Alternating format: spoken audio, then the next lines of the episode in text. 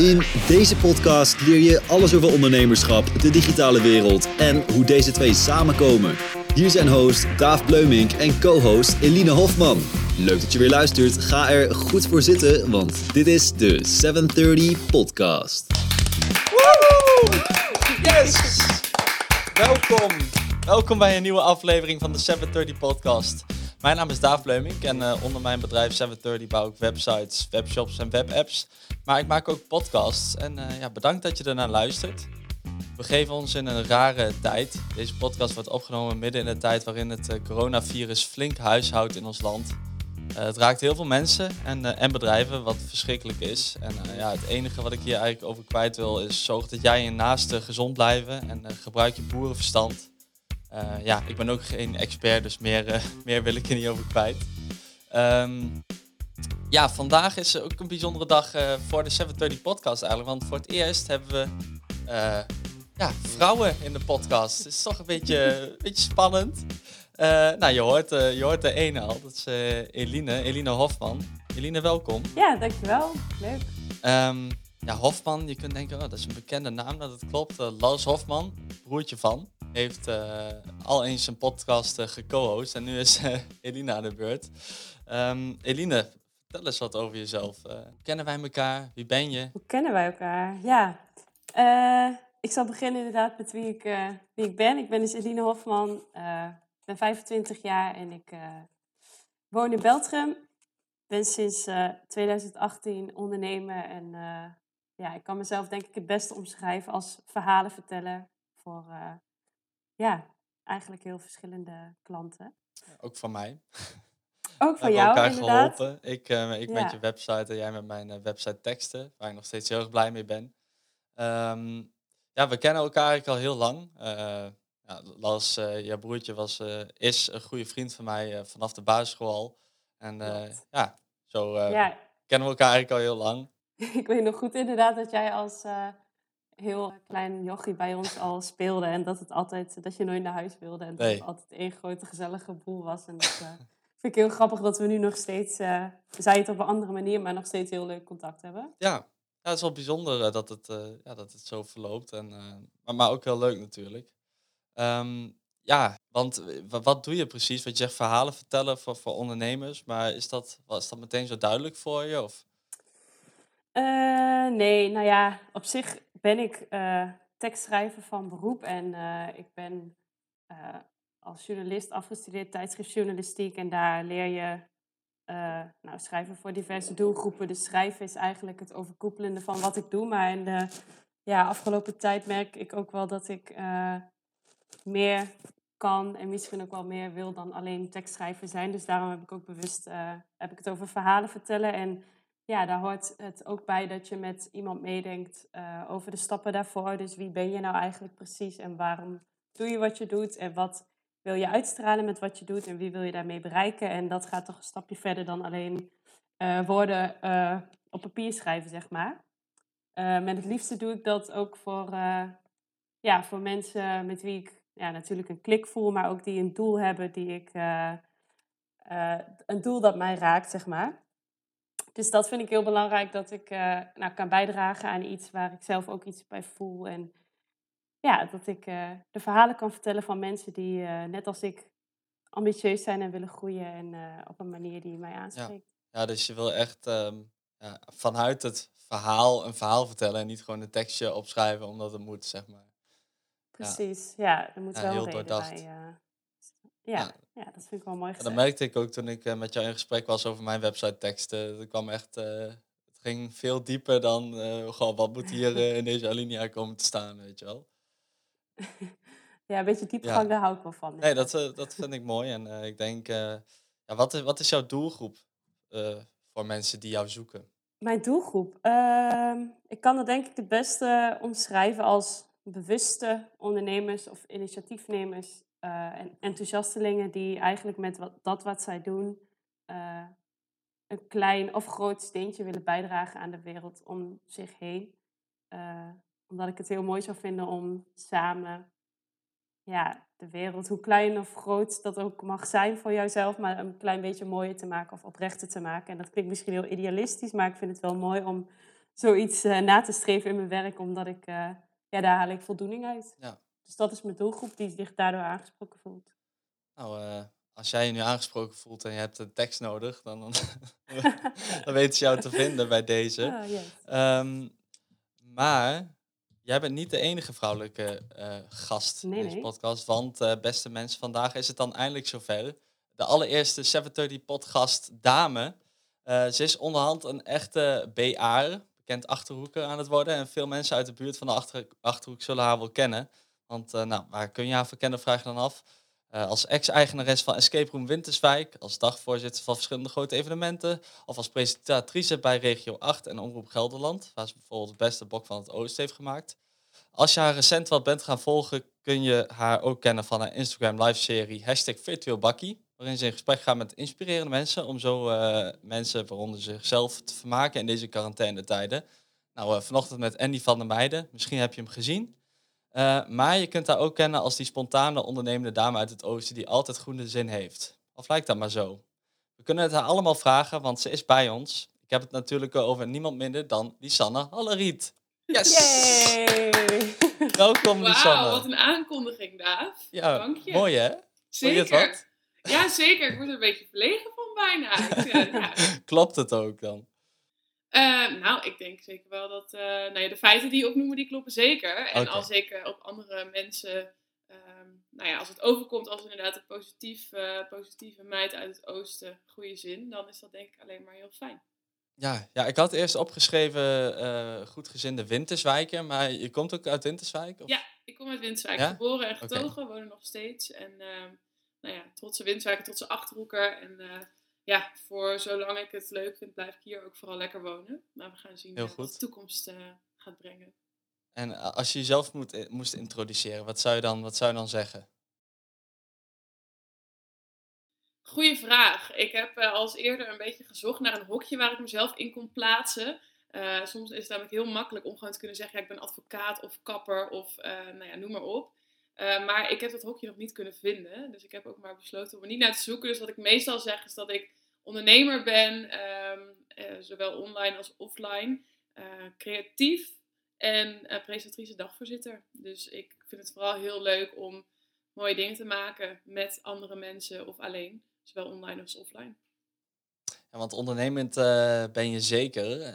Heb je zo'n idee waar dat vandaan komt?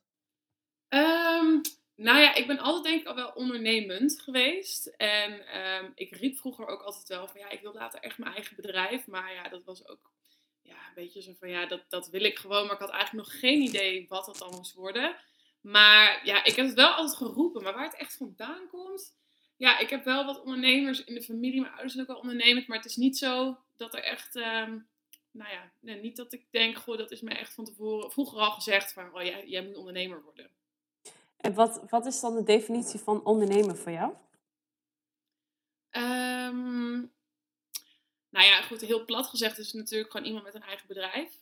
Um, ik heb nu wel eens de discussie met mensen van uh, freelancer, ondernemer. Ik um, zou natuurlijk in theorie mezelf nu freelancer kunnen noemen, omdat ik net mijn bedrijf, of een deel van mijn bedrijf, zeg maar, Escape Room Winterswijk verkocht heb. Maar ik vind dat ik mezelf wel een ondernemer kan noemen, omdat ja, ik gewoon wel echt bezig ben met creëren. En ook echt wel groots denken en niet alleen maar um, als freelancer bijvoorbeeld me in laat huren door een bedrijf. Dus ik draag de titel ondernemer wel met trots, zeg maar. En gepaste trots, denk okay. ik inderdaad, ja. ja, gepaste trots inderdaad. Um, maar je denkt ook niet van, goh, dat is misschien vanaf school een keer ontstaan of zo? Of, want hoe was, het, hoe was jouw schoolperiode? Um, nou, school is nooit mijn hobby geweest en dat zal het ook nooit worden. Um, ik had um, best een roerige schoolperiode. Mijn basisschool ging prima. Ja, weet je, eigenlijk niet echt veel bijzonders. En de eerste paar jaren van de middelbare school waren wel heftig. Toen ben ik behoorlijk gepest. Nou ja, dat hakte natuurlijk uh, wel in. En helemaal op die leeftijd waarbij je al zoveel onzekerheden hebt en helemaal het leven aan het ontdekken bent.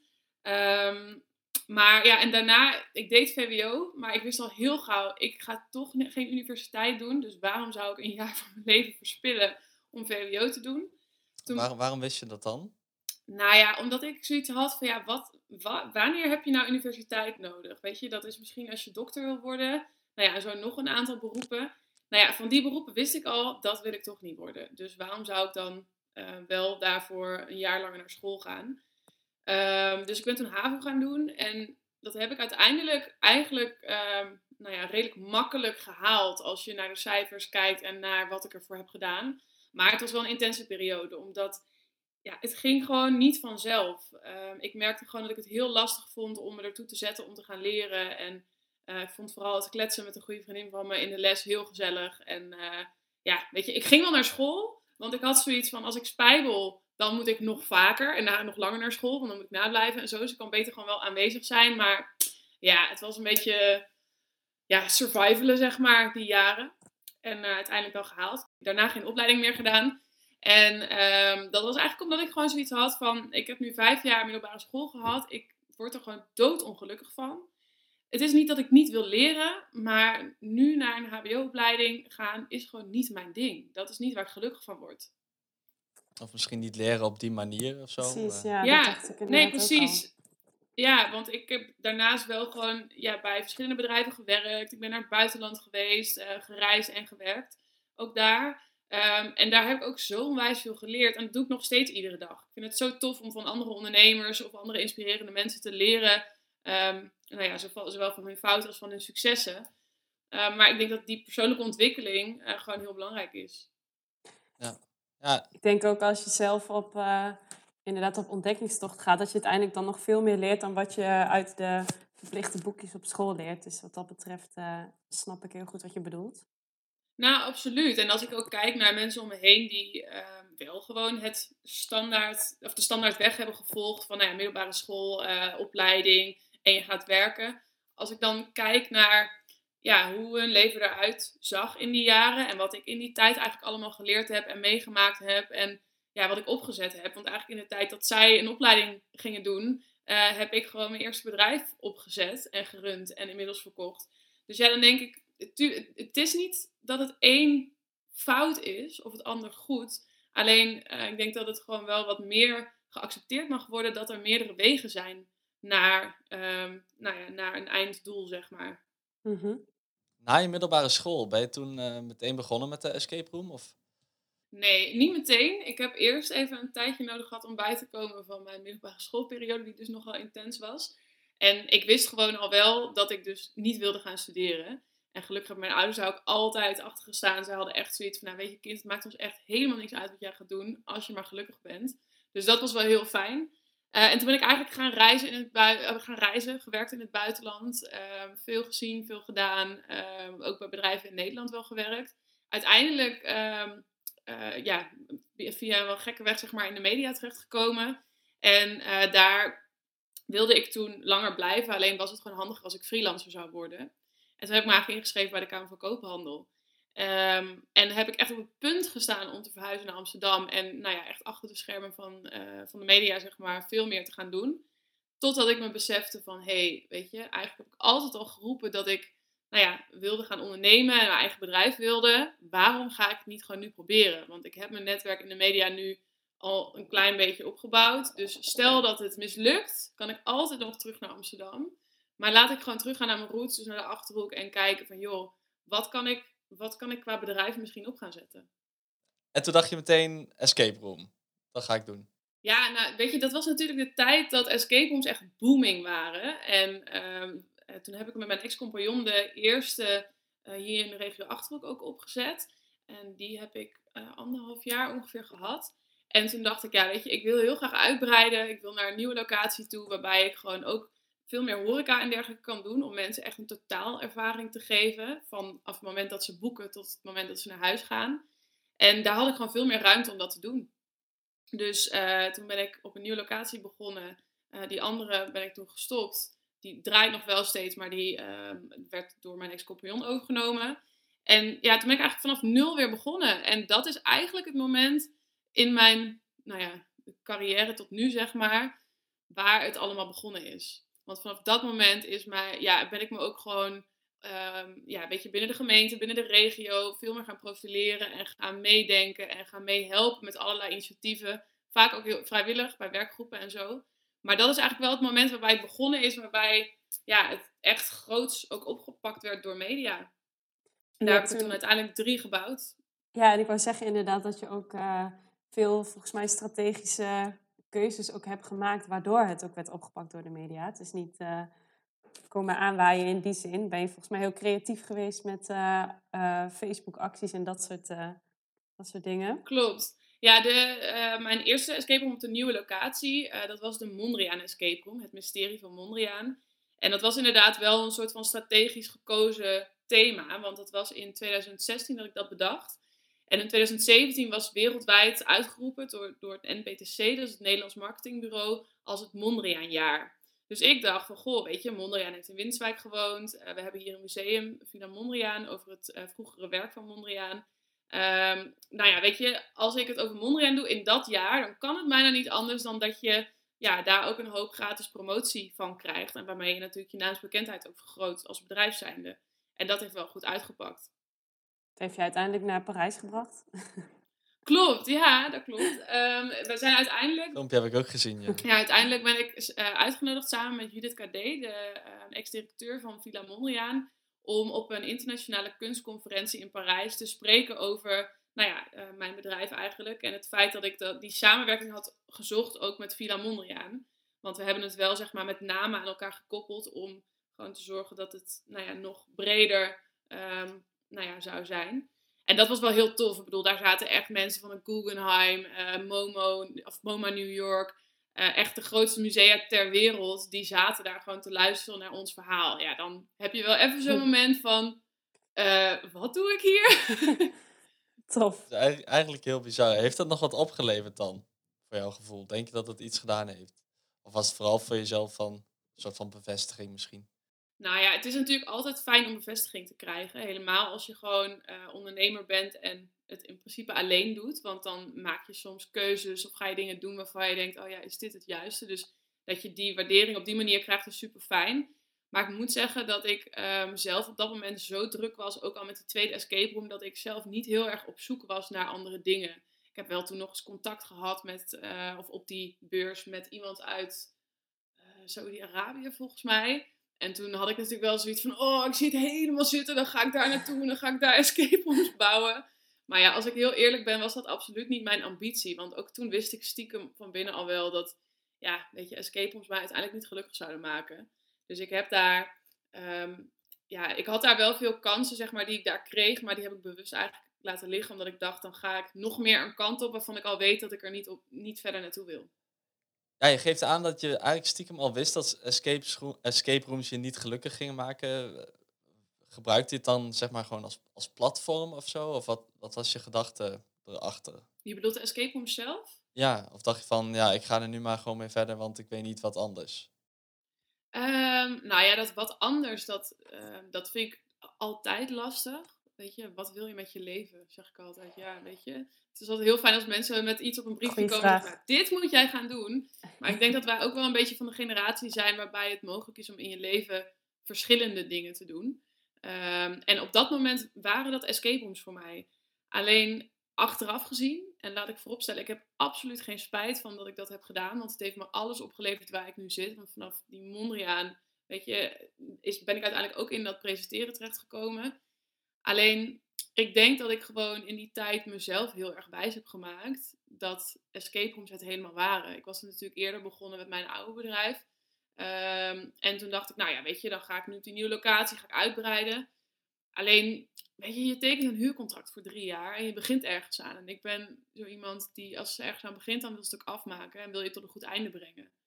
Alleen, ja, als je vlak nadat je dat huurcontract tekent, van binnen al een bepaald knagend gevoel krijgt en denkt, shit, weet je, is dit wel echt wat ik leuk vind? Of maak ik mezelf dat vooral wijs? Nou, dan doe je vervolgens dat gevoel heel lang aan de kant, want je hebt zoiets van, ja, maar ik moet wel. Dus dan bouw je uiteindelijk uh, drie escape rooms. Gelukkig met heel veel hulp van mensen om me heen. Um, maar ja, weet je, dan gaat er op een gegeven moment zoveel uh, tijd en energie en vooral geld in zitten. Uh, want die eerste twee, dat maakt natuurlijk niet uit. En dan moet je op een gegeven moment wel. En dan heb je niet zo heel veel keuze meer van, nou, ik stop ermee. Want naast het huurcontract, wat je natuurlijk getekend hebt voor drie jaar, ja, weet je, zat ik op een gegeven moment ook met een investering van 60, 70.000 euro. En dat is niet niks. Um, dus ja, dan moet je wel. En toen hield ik me heel erg voor dat nou ja, als die bouwperiode voorbij was, wat ik vreselijk vond, uh, dat, het, dat ik het dan echt leuk zou gaan vinden. En toen kwam dat moment daar en was het klaar en draaide het allemaal. En dacht ik, shit, dit is het moment wat ik me altijd voorgehouden heb, waarbij het weer helemaal leuk zou worden. En nu moet ik mezelf echt in de spiegel aankijken en gewoon eerlijk toe gaan geven dat dit het helemaal niet is. Maar ja, zie dan maar eens daaruit te ontsnappen, zeg maar. Ja, want je hebt uh, ja, uiteindelijk het bedrijf gewoon uh, ja, verkocht. Maar dat gaat niet gewoon. Hoe, hoe, is dat gegaan? Kun je dat een beetje kort vertellen, hoe dat werkt? Zeker, ja, dat moment, nou ja, wat ik net schets, dat ik dus al heel lang eigenlijk een beetje een knaaggevoel had dat ik het wilde verkopen en dat ik er niet gelukkig van werd ja, dat gaat niet over één nacht ijs. En uh, voordat ik het überhaupt aan de buitenwereld durfde vertellen en naar de mensen om me heen dat ik er vanaf wilde, um, ja, zijn heel wat gesprekken aan vooraf gegaan. En uiteindelijk was dat met een zakelijk contact van mij dat tegen mij zei: Ja, Lisanne, ik heb je in ons gesprek nu al tien keer horen zeggen dat je het wil verkopen. In godsnaam, meid, ga dat ding verkopen en ga iets doen wat je gelukkig maakt. En dat was voor mij wel echt, nou ja, weet je, de doorslaggevende moment waarvan ik dacht: Oké, nu moet ik actie ondernemen. En toen ben ik eerst eens gaan denken van, goh, oké, ik wil het verkopen, maar hoe dan? Kijk, het is wel iets wat ik, waar ik al mijn ziel en zaligheid ingestopt heb om neer te zetten. En dan wil je niet dat daar iemand anders op komt te zitten die ja, er vervolgens potje van maakt. Dus toen ben ik eigenlijk gaan denken van, goh, als ik nou eens kan bedenken wie mijn ideale koper is, op wie kom ik dan uit? En de grap is dat ehm, de huidige koper, dus de huidige, huidige eigenaar, dat dat letterlijk iemand was die in de top, nou ja, dat drie mensen waren waarvan ik dacht dat zou voor mij de ideale koper zijn. Um, maar dat kwam pas later, want eerst heb ik het nog op Facebook gezet en heb ik het uh, op LinkedIn gedeeld. Daar kwamen gelukkig onwijs veel reacties op, dat ik echt niet verwacht, maar echt uh, heel tof. En dan ga je onderhandelingen in. En uh, dat was natuurlijk ook nieuw voor mij, maar wel echt mega leerzaam. En daar heb ik ook echt van genoten hoe heftig het ook was. Want je bent echt dag en nacht alleen maar strategisch aan het denken. En uiteindelijk, uh, nou ja, met de huidige koper uh, tot een overeenkomst gekomen. En dat uh, lucht er wel op, denk ik. Ja, onwijs. Absoluut. Ik bedoel, um, het is heel gek om het achter te laten. Maar het is zo fijn dat je het achter kunt laten bij een partij waarvan je denkt... Oké, okay, het is een heel mooie, mooie aanvulling voor hun diensten. Want het is namelijk een bioscoop. En ze hebben ook een restaurant. Dus ja, weet je, dit past perfect binnen hun um, huidige dienstaanbod. En dan laat je het ook gewoon met een fijn gevoel achter. En wat ik zelf gewoon het allerbelangrijkste vond, was dat ik vond dat er gewoon niet genoeg aan mijn bedrijf gehaald werd. Kijk, het ging supergoed, ook financieel. Want ja, weet je, de investering die had ik zo goed als uh, daaruit. Alleen um, je wil gewoon, uh, je weet dat er zoveel meer in zit. En dan moet je soms ook eerlijk tegen jezelf kunnen en durven zijn om te denken: het bedrijf verdient gewoon beter dan ja, wat ik nu doe. En dan moet je gewoon jezelf opzij zetten. En uh, ik ben wel benieuwd, hoe voel jij je dan sinds uh, je eigenlijk een soort van ontsnapt bent uit je eigen escape room? Nou ja, het gekke is dus dat ik soms echt bijna vergeet dat ik het meegemaakt heb. Dus echt zo stom. Ik had echt verwacht dat ik uh, nou ja, een beetje afkikverschijnsel als het ware gehad heb. Nou, die heb ik echt alleen het eerste weekend gehad, maar letterlijk met mijn telefoon. Ik had altijd een zakelijke telefoon die dan op een andere manier trilde dan mijn privételefoon. En ik had dat weekend nog een paar keer dat ik dacht, huh, hoor ik nou, zzz, zzz, zeg maar, die tril van die telefoon? Maar dat was dan niet zo. En dat is letterlijk één of twee keer gebeurd. En vanaf dat moment was het gewoon helemaal weg. En het gaf zo'n gevoel van vrijheid en rust. En nou ja, echt. Ik kan me die opluchting echt helemaal voorstellen. Het is, het is heel raar, maar het is echt gewoon last van je schouders. Ja. Ja, weet je, Eline zei het heel mooi, dat gebruik ik zelf ook heel vaak. Het voelde gewoon echt alsof ik opgesloten zat in mijn eigen leven. En als jij, nou ja, uh, drieënhalf jaar als het ware, um, nou ja, gewoon iets doet waarvan je eigenlijk weet dat je niet gelukkig maakt. Maar je moet een bepaald beeld wel naar de buitenwereld volhouden alsof het dat helemaal is. Want ik bedoel, ja, ik kan natuurlijk niet overal gaan zeggen dat ik er niet gelukkig van werd. Want dan help ik eigenlijk ook mijn bedrijf meteen naar de kloten. Terwijl dat juist heel goed ging. En vooral ook, weet je, er waren gewoon zoveel zorgen in die jaren daarvoor uh, met bouwen en zo qua investeringen. En dan is het, dat zul jij misschien David of Elinia ook wel herkennen, dat mensen toch heel snel het vooroordeel hebben als ondernemer. Dat je dan, oh, dan zul je wel veel geld verdienen. Oh, dan gaat het wel vast heel goed met je. Terwijl ik denk, mm -hmm. mensen hebben het niet in de gaten wat er gebeurt als zij slapen, weet je wel. En dat ik daar tot vijf mm -hmm. uur s'nachts in mijn bouwkleren uh, stond te klussen en de volgende ochtend om tien uur er weer was. Ik noem maar wat. Ehm, en het is altijd buitenkant wat mensen zien. Ja, en al, Ja. al- helemaal ondernemer in de ICT, die denken, oh, dat is echt eh, geld op je rug en eh, niks aan de hand. Maar dat is helemaal niet zo. Ehm, ja, je komt ook over als een mentaal sterk persoon. En dit komt niet meer zo uit de lucht vallen, want eh, ja, we hebben dit natuurlijk al een beetje voorbesproken. En eh, ja, je hebt al een beetje laten doorschemeren dat dat lang niet altijd zo geweest is. Kun je daar iets over vertellen? Ja, zeker. Ehm, ik- nou ja, wat net al een beetje geschetst natuurlijk, dat ik, ehm, nou ja, dat die hele periode van de escape room, naast dat ik er onwijs veel van geleerd heb en het ook, eh, nou ja, een heel groot avontuur was, met absoluut ook positieve en leuke dingen hoor, want ik heb ook absoluut hele toffe dingen mee mogen maken met de escape room. Eh, maar was die periode dus wel eh, heftig en met name dus tijdens die bouwperiode eh, ben ik ook echt door best wel diepe dalen gegaan. En ehm, waarbij ik mentaal soms er helemaal doorheen zat. En echt gewoon, nou ja, ik denk dat je het wel een burn-out hebt kunnen noemen. Maar ja, ik kon er niet in blijven hangen, want ik moest door. Ehm, maar dat was gewoon best wel pittig. En ik ben sowieso wel iemand die heel erg pleit voor, nou ja, als je niet lekker in je vel zit, ga met iemand praten. Ik vind echt dat taboe van psychologen en dergelijke moet er echt af. Want als jij je enkel verzwikt, dan ga je ook naar een eh, fysiotherapeut of naar de huisarts. Ehm, maar ik heb absoluut periodes gehad dat ik echt helemaal niet lekker in mijn vel zat. Ehm, en waarbij ik zeg maar bij een tegenslag ook echt, nou ja, soms echt dagenlang of wekenlang gewoon amper mijn huis uitkwam. Ehm, en, nou ja, goed, alleen voor het werken natuurlijk. Maar gewoon echt, nou ja, wel tegen het depressieve aan. Maar wat ik heel mooi vind om te zien is dat je uiteindelijk wel ziet dat je daar echt sterker uit kunt komen. Ik las toevallig vandaag een quote eh, op Instagram bij iemand. Ehm, ik zal hem even voorlezen. Staying positive doesn't mean you have to be happy all the time. It means that even on hard days you know that there are better ones coming.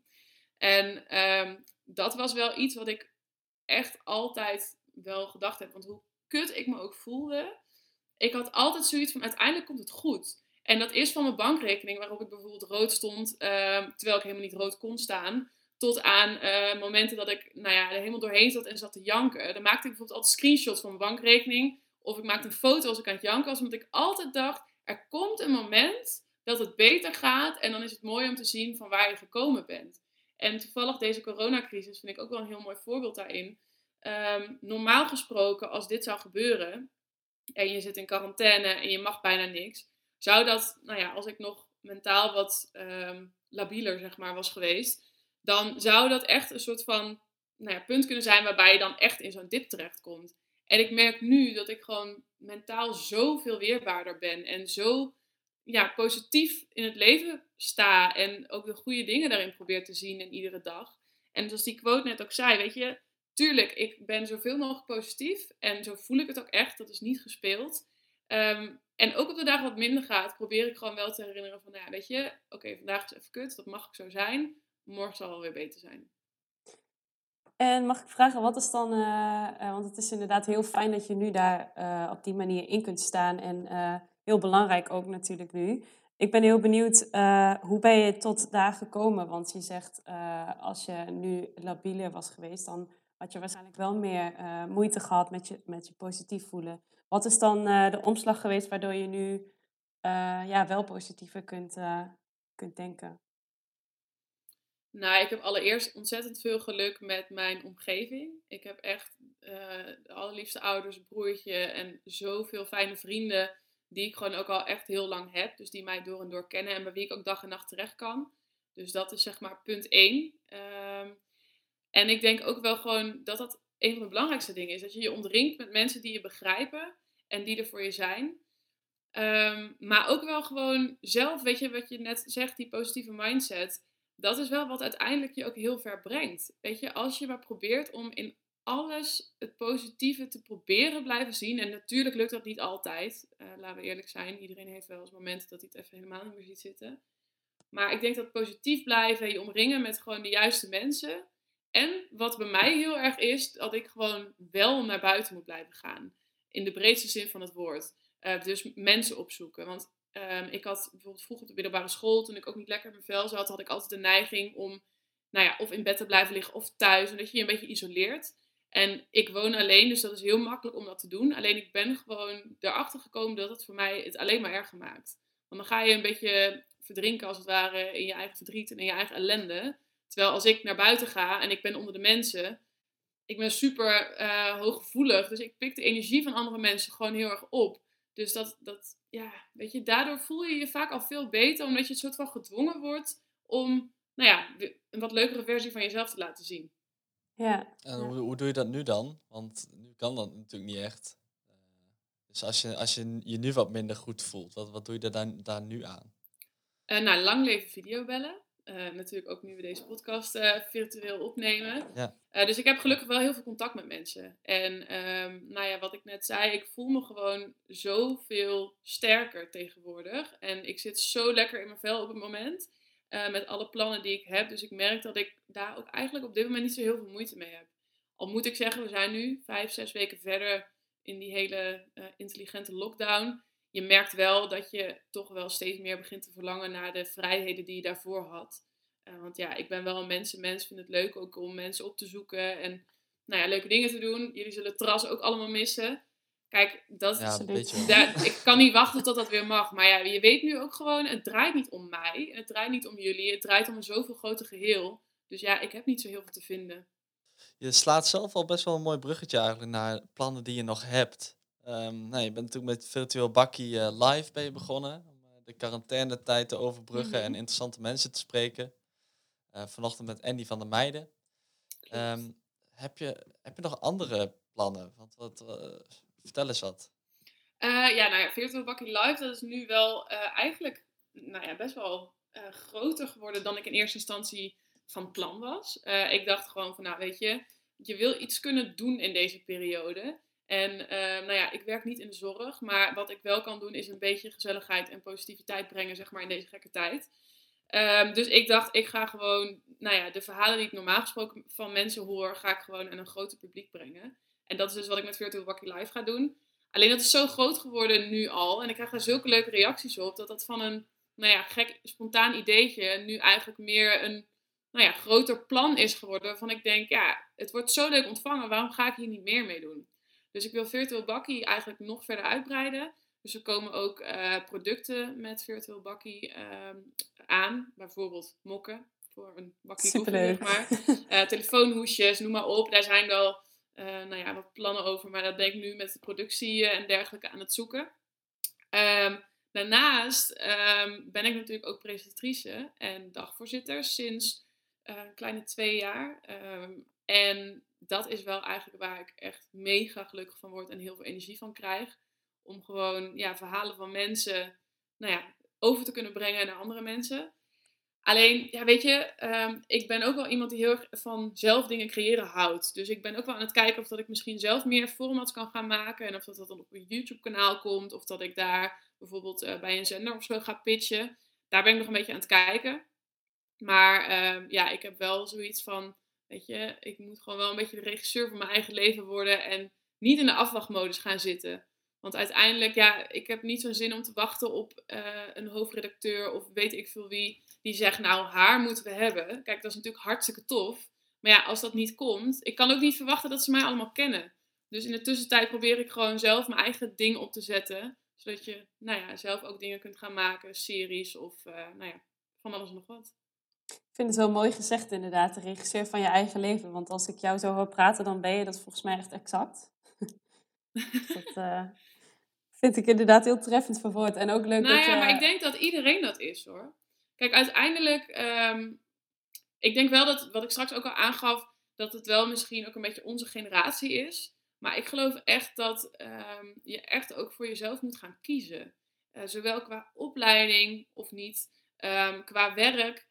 Uh, maar ook, of niet. Ja, of niet inderdaad. Lang leven de bijstand. Maar um, nee, maar ik denk echt dat uh, mensen hun eigen krachten en talenten nog veel te veel onderschatten. Kijk, het is niet zo dat als je nu de keuze maakt, zoals ik, om te gaan presenteren, dat ik daar uh, mezelf de rest van mijn leven aan moet committen. Kijk, als ik over vijf jaar denk, nou weet je, ik ben dat presenteren wel zat, dan leven we gewoon in een wereld waarbij het mogelijk is om weer wat anders te gaan doen of gaan leren of naar een andere plek te gaan. Um, en ik denk dat in die zin is iedereen regisseur van zijn eigen leven. Om gewoon, ja. nou ja, gewoon te proberen om echt je ideale leven en je geluk na te streven. Ja, het, is, het heeft allemaal te maken met ja, of lef of angst. Het is maar net hoe je het ziet. Maar ja, weet je, als je genoeg lef hebt om het te doen, dan, dan kom je er wel, denk ik. Maar het is ook een stukje bluff hoor, soms. Ja. ja ook naar jezelf. Bedoel, ehm, weet je, ik ben nu ook mensen berichtjes aan het sturen voor Virtual Bakkie Live. Waarvan ik denk, oh my god. Terwijl ik dan, maar dat doe ik dan op zo'n moment dat ik even het gevoel heb dat ik on top of the world ben, zeg maar. En dan denk ik, ah nee, ik ga gewoon appen. Maar het grappige is dat achteraf vaak gewoon blijkt dat je het gewoon moet doen. Weet je, ik krijg bijvoorbeeld nu ook berichtjes van mensen van, wow, heb je Annie van der Meijden geregeld? Ja, gewoon een berichtje sturen. En dat heb ik met al mijn ehm, gasten gedaan. En dat ga ik ook nog doen. Weet je, er komen hele toffe namen aan. Nee heb je, ja kun je krijgen in het hele leven. En netwerk, dat is ook heel handig en belangrijk. Ja. ja, hier kan ik me echt helemaal in vinden. Ook eh, met mijn podcast eh, gasten. Ja, gewoon berichtjes sturen, weet je wel. Ik, ik heb dan niet enorme gasten gehad, maar er komt wel wat eh, interessants aan na deze lockdown. Ehm, Oeh, spannend. dat is heel spannend. Een tipje van de sluier hier. Maar doe je Ehm, voorgaande gasten ook niet tekort, hè, Daaf? Zeker niet. Nee, dat zijn zeker niet de minste hoor. Ik heb echt al wat toppers in mijn midden gehad. En eh, gaan er ook nog Nee, maar ik denk in jouw geval dat het ook super goed is dat je zo'n podcast begint. Want eh, naast dat het natuurlijk heel leuk is om te maken. Nou, voor mij, ik vind het een hele eer dat ik er überhaupt voor gevraagd ben. Ehm, maar het, het zorgt er ook voor dat je je netwerk gigantisch uitbreidt. En dat kan je weer op zoveel andere plekken brengen en zoveel opleveren. Kijk, alles wat ik nu doe qua werk en qua, ehm, nou ja, eigenlijk alles. Ik heb alles te danken aan het netwerk wat ik zeg maar in de afgelopen vijf en een half jaar opgebouwd heb. En dan niet een netwerk waarbij je ehm, iemand wil spreken en kennis gaat maken met de intentie dat je daar wat uit moet halen. Nee, want dat, zo ben ik niet, zeg maar. Ik ben niet zo'n netwerker. Ik ben juist gewoon van het relaties bouwen. Zonder dat je er iets van verwacht. Maar gewoon omdat ik oprecht geïnteresseerd ben in diegene's werk of leven. Of weet je, dat je daar gewoon leuke gesprekken mee hebt. En ik ga er, ja, weet je, eigenlijk nooit vanuit dat er iets uitkomt. Maar ik weet wel dat als het komt, komt het wel. Over nu, of over vijf jaar, of over tien jaar. Maar het is gewoon wel heel fijn om die contacten te hebben. Het is echt zo grappig dat je dat zegt. Want ik heb wel eens dan eh vragen mensen, ja, waarom maak je die podcast dan? Ja, ik zeg, ja, joh, breid ik mijn netwerk uit en ik vind het gewoon leuk om te zien hoe het hier gaat en wat jij daar aan het doen bent. Dan zeggen ze, ja, wat is je verdienmodel en zo. Dan ik zeg, ja, dat heb ik helemaal niet. ik wil Nou, gewoon mijn netwerk dat dat uitbreiden. Ja, het is wel grappig dat je dat zegt, want eh, toevallig eh, dat ik afgelopen weekend bij mijn ouders even in de tuin was, eh, op verre afstand natuurlijk. En toen vertelde ik dus aan mijn ouders over virtual bakkie en die hadden wel wat gezien, vonden ze wel leuk, gelukkig. En toen had ik het over van, nou ja, ik zit er eigenlijk over te denken om dit gewoon het hele jaar vol te houden. Want ik vind het zo tof om te doen. Ik ben ondertussen mijn interview en mijn presentatieskills aan het upgraden. Je breidt je netwerk uit, je hoort leuke verhalen, noem maar op. Toen zei mijn moeder van, ja, maar je moet op een gegeven moment natuurlijk wel kijken of dat je er wat mee kunt gaan verdienen. Want voor de duidelijkheid, ik verdien daar nu natuurlijk helemaal niks mee. Ehm, en toen zei ik haar van, ja mam, maar denk nou eens even terug aan de vorige keer dat je dat zei.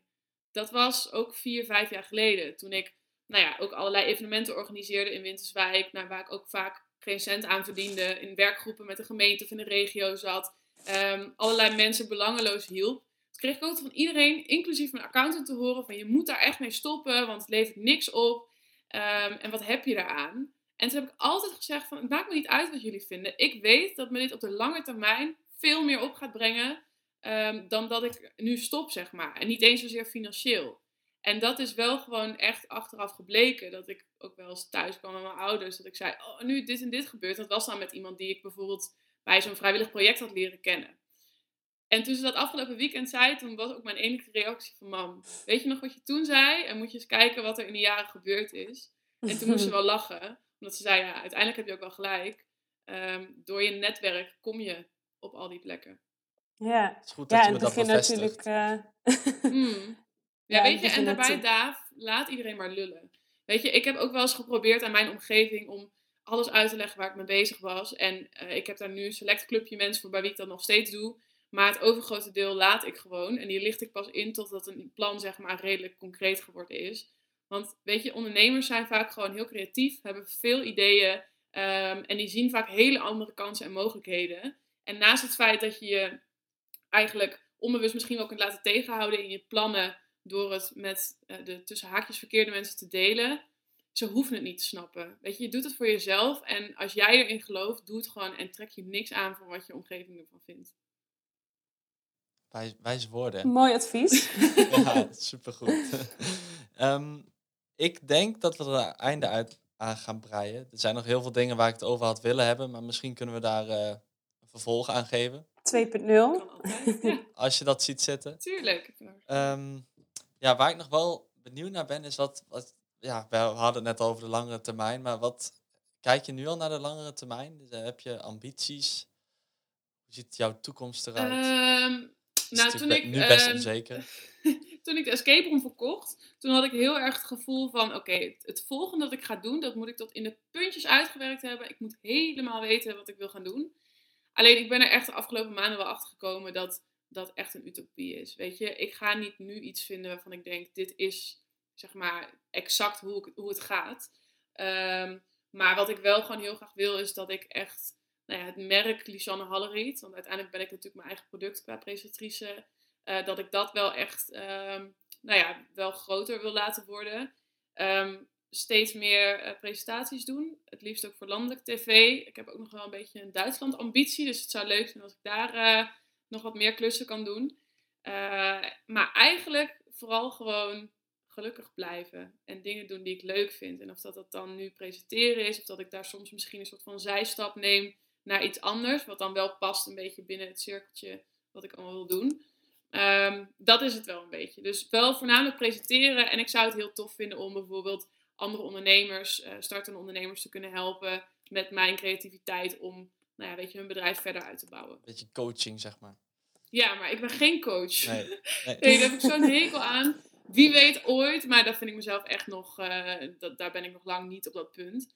Er zijn zoveel mensen die zichzelf coach no- noemen, maar ik denk wel dat ik, ehm, ik heb altijd zoveel ideeën en, ehm, nou ja, voor bedrijven of, of marketing ideeën. En ik denk wel dat ik daar andere mensen mee zou kunnen helpen.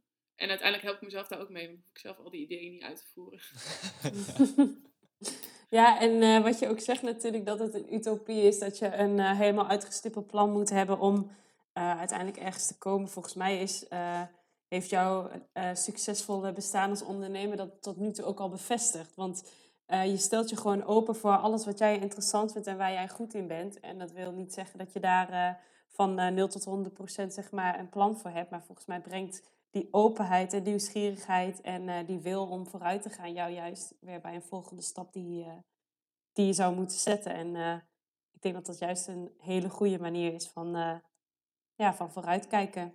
Ja, dat brengt je absoluut op plekken. Maar weet je, het is natuurlijk nu, we hebben het nu alleen maar over heel veel dingen die goed zijn gegaan en over nou ja, de hoogtepunten, zeg maar. Maar weet je, uiteindelijk is ondernemen ook wel gewoon nou, soms een keiharde levensles. En ben ik er ook in die jaren wel achter gekomen dat ehm, focus ook echt wel belangrijk is. Weet je, ik deed eerder altijd 10.000 verschillende dingen, maar dat werkt gewoon niet, want dan is het allemaal half. Dus ik probeer me nu wel echt op een paar hoofddingen te richten. En ehm, ja, ik merk wel dat daardoor alles beter wordt. Nou, dat heb ik in uh, vorige podcastafleveringen ook meermaals bevestigd gekregen. Dat focus en specialisatie gewoon echt goed zijn. Voor zowel de kwaliteit als die jij levert, als uh, je doelgroep die je kunt bereiken. Dus uh, ja, zeker zo. Ja. Alhoewel dat soms best Ja, lastig is is heel hoor. Moet je kiezen. Dat is, uh, Ja, zeker als je het veel leuk vindt en natuurlijk. dat is een hele andere podcast dan weer kiezen. Ja. Um, Eline, Ja. mag ik jou bedanken voor het uh, zijn van mijn co-host. ja, zeker. Ik vond het heel leuk. En, uh, Ik vond dat je het heel goed deed. dankjewel. Vond ik ook. Ja, zo. Lisanne, bedankt, Nee, voor, uh, bedankt. voor het uh, gast zijn. En, uh, Ja, jij onwijs bedankt dat je mij te gast vroeg. Ik vind het echt een enorme eer. Het is mijn allereerste podcast Ja. eh, ooit. Dus ehm, ja, misschien kunnen we het vervolg wel eh, in person doen. Dan hebben we ook eh, gewoon lekker goede microfoons, goede kwaliteit. Lekker, ja, lijkt me te gek. Ja, oké. Nou, laten we dan een afspraak zetten voor na deze intelligente lockdown dat we dan een vervolging aan geven. Lijkt me heel leuk. Superleuk. Zeker. Ik wil jou als luisteraar bedanken dat jij eh, geluisterd hebt naar dit eh, inspirerende verhaal van eh Lisanne, maar ook zeker van Eline. En ehm, ja, laat ons weten wat je ervan vond via een berichtje op social media onder deze post. Eh, ja, of op eh, iTunes is het volgens mij. Nee, Apple Podcasts. Kun je een review achterlaten en dan eh, weet ik ook wat je ervan vindt. En eh, kan goed zijn, kan minder goed zijn. Opbouwende kritiek wordt gewaardeerd. En eh, ik probeer het alleen maar be- beter te maken.